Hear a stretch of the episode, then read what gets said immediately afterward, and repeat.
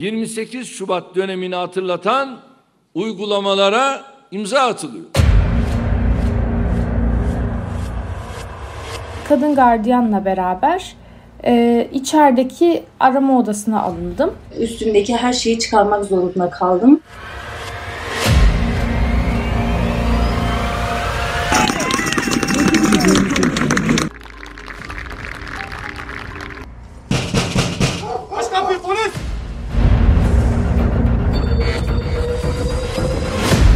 ...1997 28 Şubat'ında başladı, 2002 3 Kasım'ında bitti. Yani bin yıl devam edecek denilen bir süreç 5 yılda yok olup gitti. AKP propagandasına göre durum böyleydi. Peki gerçek ne? O 5 yıl Recep Tayyip Erdoğan'ın siyasi kariyerini nasıl etkiledi? Ve en önemlisi Erdoğan 28 Şubat'ın mağduru mu, mahsulü mü? 28 Şubat süreci Erdoğan'la bitti mi, devam mı ediyor? 28 Şubat 1997. O tarihi MGK'da dönemin Başbakanı Necmettin Erbakan yanağından süzülen terler arasında zor bir süreci göğüslemeye hazırlanıyordu. Ancak o günlerde Erbakan'ı askerlerden daha fazla yoracak bir isim vardı. Yıllarca elini öpen, her fırsatta liderine sadakatini dile getiren Recep Tayyip Erdoğan. Siz de çok yakinen o dönemi yaşadığınız bu konuya ne diyorsunuz? Abdullah Gül, Abdullah Gül ve Recep Tayyip Erdoğan o zamandan itibaren zaten Erbakan Hoca'nın itibarını itibarını e, dış güçlerle beraber düşürebilmek için elden gelen gayreti içeriden gösterdiler. Dönemin İstanbul Büyükşehir Belediye Başkanı Erdoğan, sonraki yıllarda siyasi kariyerini 28 Şubat postmodern darbesinin paralelinde şekillendirecekti. Adeta gizli bir el, Erdoğan'a iktidara giden yolun taşlarını döşüyordu. Erbakan o zaman direnebilseydi eğer belki de bu süreç yaşanmazdı. Siz ne dersiniz? Katılır mısınız buna? Erdoğan Erbakan direndi. Partisinden bir tane firi olmadı yani sıkıntı bizim partiden oldu. Erbakan, dönemin bakanı Mehmet Ağar'a göre 28 Şubatçılara direnmiş partisini parçalamaktan korumuştu. Ama bu uzun sürmeyecekti. Lideri Erbakan'ın hükümeti o günlerin siyasi literatürüne giren deyimle havada ikmal kazasına kurban giderken Erdoğan partisinden farklı siyasi mesajlar vermeye başlamış, ekranların vazgeçilmezi olmuştu. Kendi tabiriyle manşetlerle çarpışıyordu. Aleyhine yapılan yayınlar onun gündemde kalmasını ve öne çıkmasını sağlıyordu. Erbakan ve Refah Partisi kan kaybederken o yakın geleceğin başbakanı olarak lanse ediliyordu. Hem de ana akım medyada. O zaman Erbakan e, tutumuyla e, hatalı mıydı? Bu konuda Erbakan sadece düşüncelerini ortaya koymuştur ve düşüncelerini ortaya koyması özellikle de bir siyasi olması nedeniyle aslında böyle bir gerekçe olmamalıydı. Ben öyle bir şey olsaydı ben çıkar giderdim. Hayır böyle bir şeye müsaade etmezdim. Erdoğan hocasını, liderini askerlere boyun eğmekle suçlayacak, ben olsam buna fırsat vermezdim diyecekti. Halbuki Erbakan o yıllarda aralarında Erdoğan'ın da olduğu yol arkadaşlarına MGK'da yaşananları anlatıyor, hangi belgeleri imzalayıp imzalamadığını, askere nasıl tepki gösterdiğini anlatıyordu. Benim 28 Şubat'ta attığım imza getirmiş olan 18 teklif anayasaya uygun mudur değil midir? Hı. Bunu incelemek üzere hükümete havalesi. Ne imza attınız? Ona imza attım. O kağıtı da aynen bakanlara gönderdim. Bakanlar bunlar anayasaya aykırı buldukları için hiçbirini uygulamadılar. 28 Şubat böylece Amerika'nın mağlubiyetiyle sonuçlandı. Cunta'nın mağlubiyetiyle sonuçlandı. Erbakan yıllar sonra bunları açıklarken talebesi Erdoğan çoktan iktidar olmuş askerlerle 2004 MGK'sında muhafazakar kitleyi 28 Şubat'ta olduğu gibi ortadan kaldırmayı planlayan belgeye paşa paşa imza atmıştı bile. Nasıl oldu? İşte görüşmeler sırasında bir metin dolaşıyor. Herkesin imzaladığı bir metin. Benim önüme geldi. Baktım metne. Hiç konuşulmuş bir şey değil. Bu niye önümüze geldi diye. Hı hı. Merak ettiğimden benim yanımda Sayın Gül vardı. Onun yanında da Sayın Erdoğan vardı. Gül'e dedim ki bu neyin nesi dedim. Dedi ki aman dedi sakın konuşma dedi. bu dedi bana bilgi verdi dedi Sayın Başbakan. Bu hiç konuşulmadan e, imzalanacak.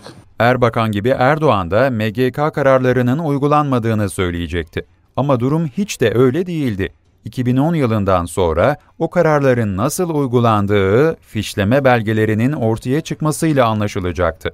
Hükümetin sürekli olarak fişlemeler yaptığıyla ilgili bazı e, gruplarla ilgili e, arşivlemeler yaptığıyla ilgili başka belgeler e, yayınlandı. Bir takım faaliyetlerin olduğunu da görüyorsunuz.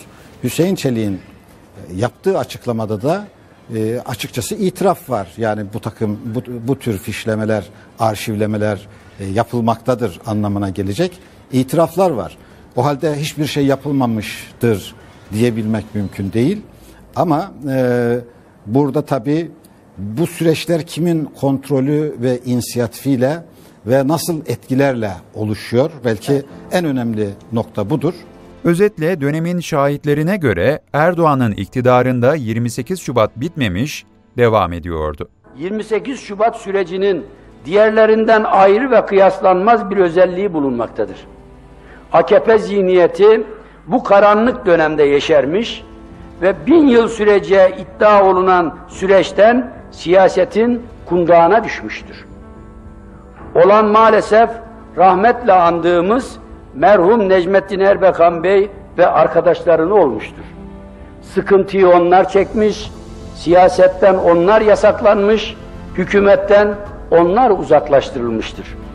Ve elbette AKP'ye gün doğmuş, başta başbakan olmak üzere milli görüş gömleğini çıkartanlar sözde mazlum görüntüleriyle demokrasi dışı temas ve dayatmalardan ziyadesiyle kazançlı çıkmışlardır. Zira Başbakan Erdoğan'ın düştüğü kısa süreli cezaevi şartlarını da kastederek o günler sayesinde geleceği kazandık. Yeni dönemin adımlarını attık sözleri görüş ve düşüncelerimizi fazlasıyla doğrulamaktadır. Artık AKP'nin bir 28 Şubat yapımı, klasiği, sürümü ve imalatı olduğu şüpheye yer bırakmayacak kadar net ve berraktır. Görüyoruz ki askeri vesayet şartlar altında filizlenen bu zihniyet, bugünkü zaman diliminde otoriter ve baskıcı bir yönetimin tüm çirkin ve katlanılmaz yöntemlerine başvurmaktadır. 28 Şubat'ın 15. yıl dönümünde bu tespitleri yapan Devlet Bahçeli, 15 Temmuz 2016 darbe girişimi sonrası Erdoğan'la fiili olarak iktidarı paylaştı. Ama Bahçeli'nin 28 Şubat 2012'deki bu deşifresi kritik bir öneme sahip. Çünkü Erdoğan özellikle 2012 yılından itibaren 28 Şubat sürecinin mimarlarıyla siyasi ortaklığını artık saklama gereği bile duymuyordu sevmediğini söylediği, karşı olduğunu söylediği her şeye dönüştü. Bu bir tür böyle fantasmagorik bir film gibi. Askeri vesayetle el ele çalışıyorlar. Askeri vesayetin kendi tarihi boyunca özlediği ama hiçbir zaman tam anlamıyla gerçekleştiremediği her türlü fantezisini Erdoğan ve adamları gerçekleştiriyor bu. Her yıl dönümünde özellikle AKP kontrolündeki medyada 28 Şubat mağduriyetleri hatırlatılıp kadınların başlarını açmak zorunda kaldıkları o günler anlatılıyor. Ancak o dönemin mağdurlarının bugün 28 Şubatçılardan daha ağır işkenceler yaptıkları gerçeği ise görmezden geliniyor. Kadın gardiyanlar e, adetli misin diye sordular. Evet dedim. O zaman çamaşırını indir, pedine bakacağız dediler. Nasıl yani dedim. Bakın, Türkiye'de çıplak arama olduğunu asla inanmıyorum. Yok böyle bir şey. Bunu söylerken hala kendimi çok kötü hissederim ama e, yani bu otur kalk durumu işte önünü dön arkanı dön e, gibi durumlar e, ben yaşadım. O gün binlerce diye ifade ettiğimiz bu bedel ödeyen kadınlarımızın yerine Bugün gerçekten on binlerce insan sadece cezaevinde. On binlerce insan sadece cezaevinde. Ve binlercesi kadın. O dönemde biz sadece dört kadın cezaevindeydik. Üç kızımla ben. Şu anda 28 Şubat'ın e, gerçekten çok çok üzerinde farklı bir süreci yaşadığımızı düşünüyorum. Yani bugün 28 Şubat'ın acıları üzerinden, bedelleri üzerinden, e, dindar çevrelerin özellikle başörtülü kadınların ödedikleri bedeller, yaşadıkları krizler yönünden e, iktidar e, kendine büyük bir istismar alanı, söylem alanı açmış durumda. Fakat aynı şekilde bugünkü bu iktidarın politikaları ile sadece o 28 Şubat'ta olduğu gibi halkın belli bir kesimine ait bir zulüm olmaktan çıktı. Şu anda toplumsal bir genelleşmiş ve toplumun her kesimine sirayet etmiş büyük bir zulüm yaşanıyor. 1997'de de 2017'de de 28 Şubat zulmüne muhatap olan isimlerden Hüda Kaya'nın bu acı tespitleri bir başka cephede başarı olarak görünüyor. O isimlerden biri Erdoğan bizim mevzimize geldi diyen oy oranı %1 bile olmayan derin ortak Doğu Perinçek. Bugün 28 Şubat devam ediyor.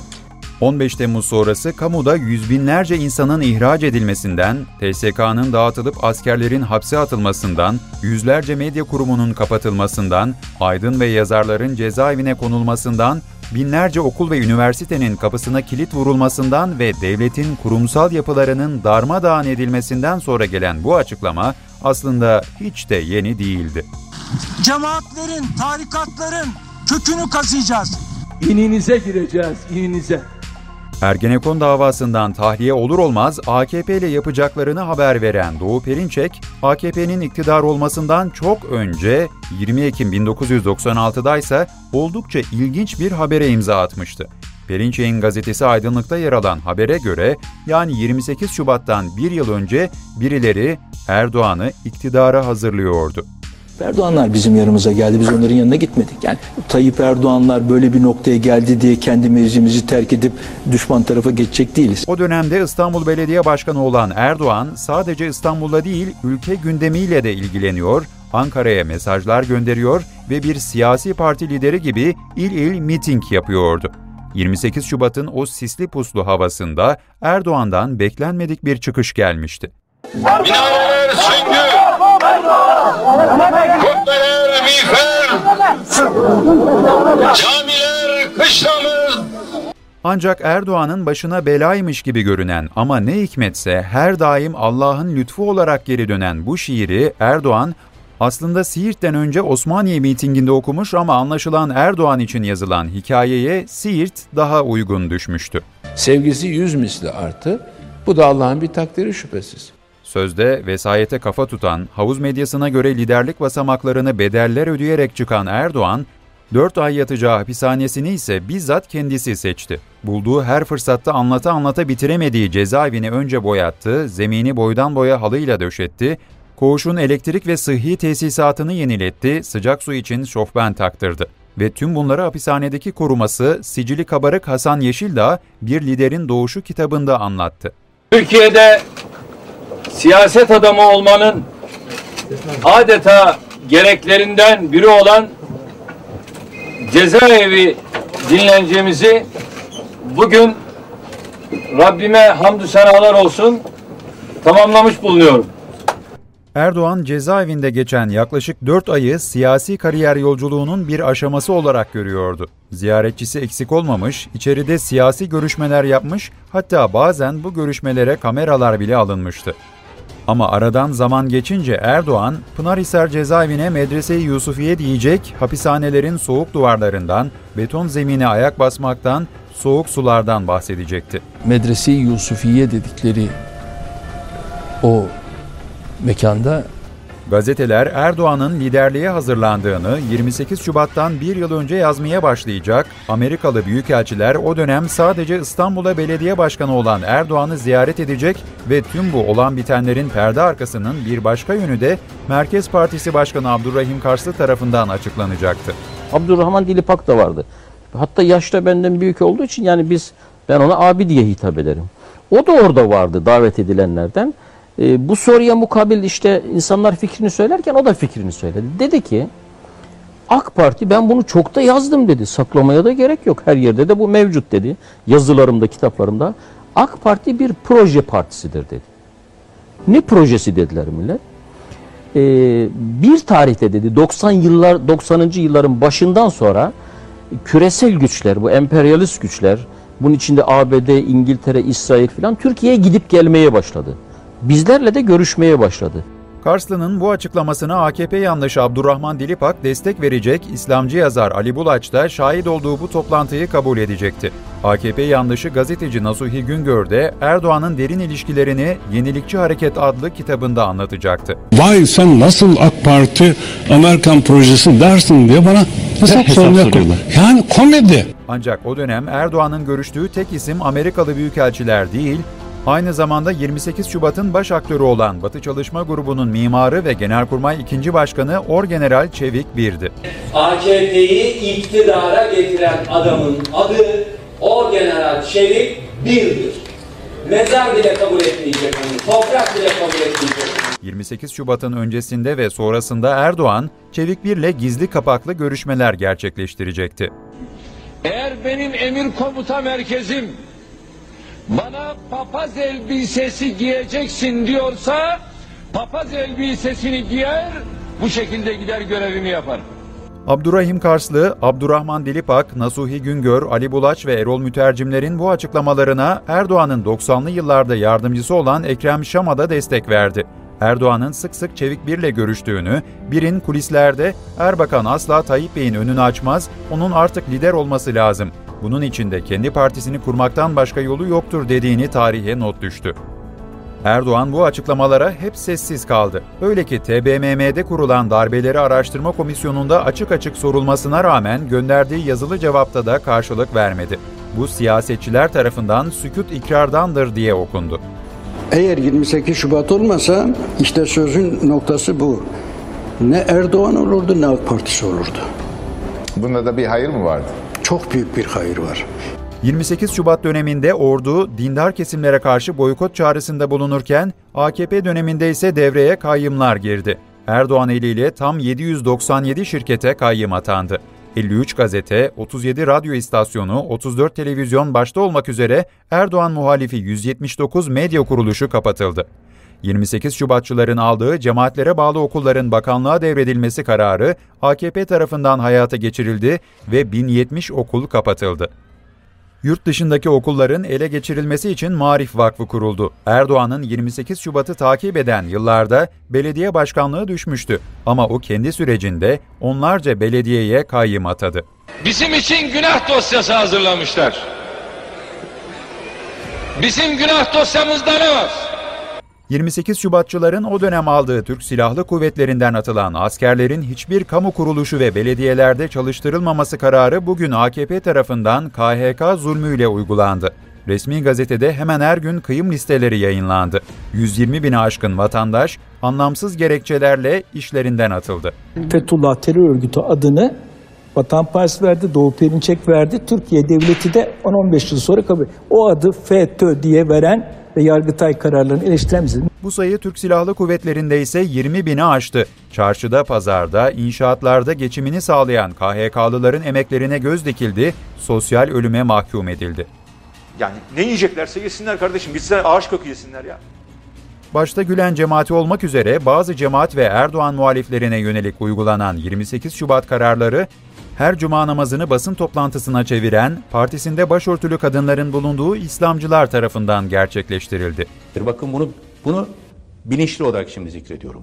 28 Şubat zihni muhafazakar bir lider görüntüsü şeyi olmaksızın yani muhafazakar görünümlü bir lider desteği olmaksızın o Türkiye'yi kuramayacaklarını gördüler ve Sayın Erdoğan'ın hepimizin desteğiyle halktan aldığı desteği de kullanarak 28 Şubat'ın ideologlarını 90'lı yılların Türkiye'sindeki aktörleri siyasete geri getirdiler. Erdoğan'ın 28 Şubatçılarla her daim işbirliği içinde olduğunu gösteren bir başka olaysa 28 Şubat soruşturmaları oldu. 2011 yılında başlatılan soruşturmalara Erdoğan önce destek verdi ve 28 Şubat döneminde hapse atılan isim olarak şikayetçi olması beklendi. Ancak bu beklenti zaman içinde boşa çıktı ve Erdoğan yerine o dönem daha 18 yaşında bile olmayan kızları şikayetçi oldu. Soruşturma kapsamında operasyonlar devam ederken Erdoğan'dan beklenmedik bir atak geldi. Böyle bir dalga, iki dalga, üç dalga, dört dalga filan yani bunlar e, toplumun huzurunu da doğrusu kaçırıyor. Ve bundan bizler de ciddi manada rahatsızız. Erdoğan'ın bu sözleriyle başta Çevik Bir ve Erol Özkasnak olmak üzere 28 Şubat'ın tüm aktörleri tahliye edildi ve davada tutuklu kimse kalmadı. suçlanmakta olduğumuz Batı Çalışma Grubu'nun da yasal Genelkurmay Başkanlığı çalışması olduğu da gündeminde var. Yani bu briefing dinlenilsin. Bizim davamızın yasal olduğu bu briefingde de yer alıyor. Kısacası 28 Şubat KHK ile işinden olan yüz binleriyle, hapishanedeki askeri öğrencileriyle, cezaevinde çıplak aranan başörtülü başörtüsüz kadınlarıyla, siyah transporterla kaçırılan muhalifleriyle, cezaevinde ölüme terk edilen polisleriyle devam ediyor. Bu gerçeği son olarak itiraf edenlerse çok yakın zamana kadar onunla birlikte siyaset yapan dava arkadaşları oldu. gemiden indiniz diyenlere sesleniyorum. Biz 28 Şubat karanlığının destekçisi olan bu ortağın rotasını çizdiği gemiye zaten hiçbir zaman binmedik. Hiçbir zaman binmedik. Biz hiçbir zaman mafyayla, çetelerle, 28 Şubatçılarla, vesayet kalıntılarıyla aynı gemiye binmeyiz. Erdoğan'ın e, baş, e, liderliğinde diyeyim. Ama Erdoğan vesayet altında şu anda. Erdoğan şu anda vesayet altında. Kimin Vesayet- vesayet altında? E, Türkiye 28 Şubatçıların vesayeti altında. Açık ve net altını çizerek söylüyorum.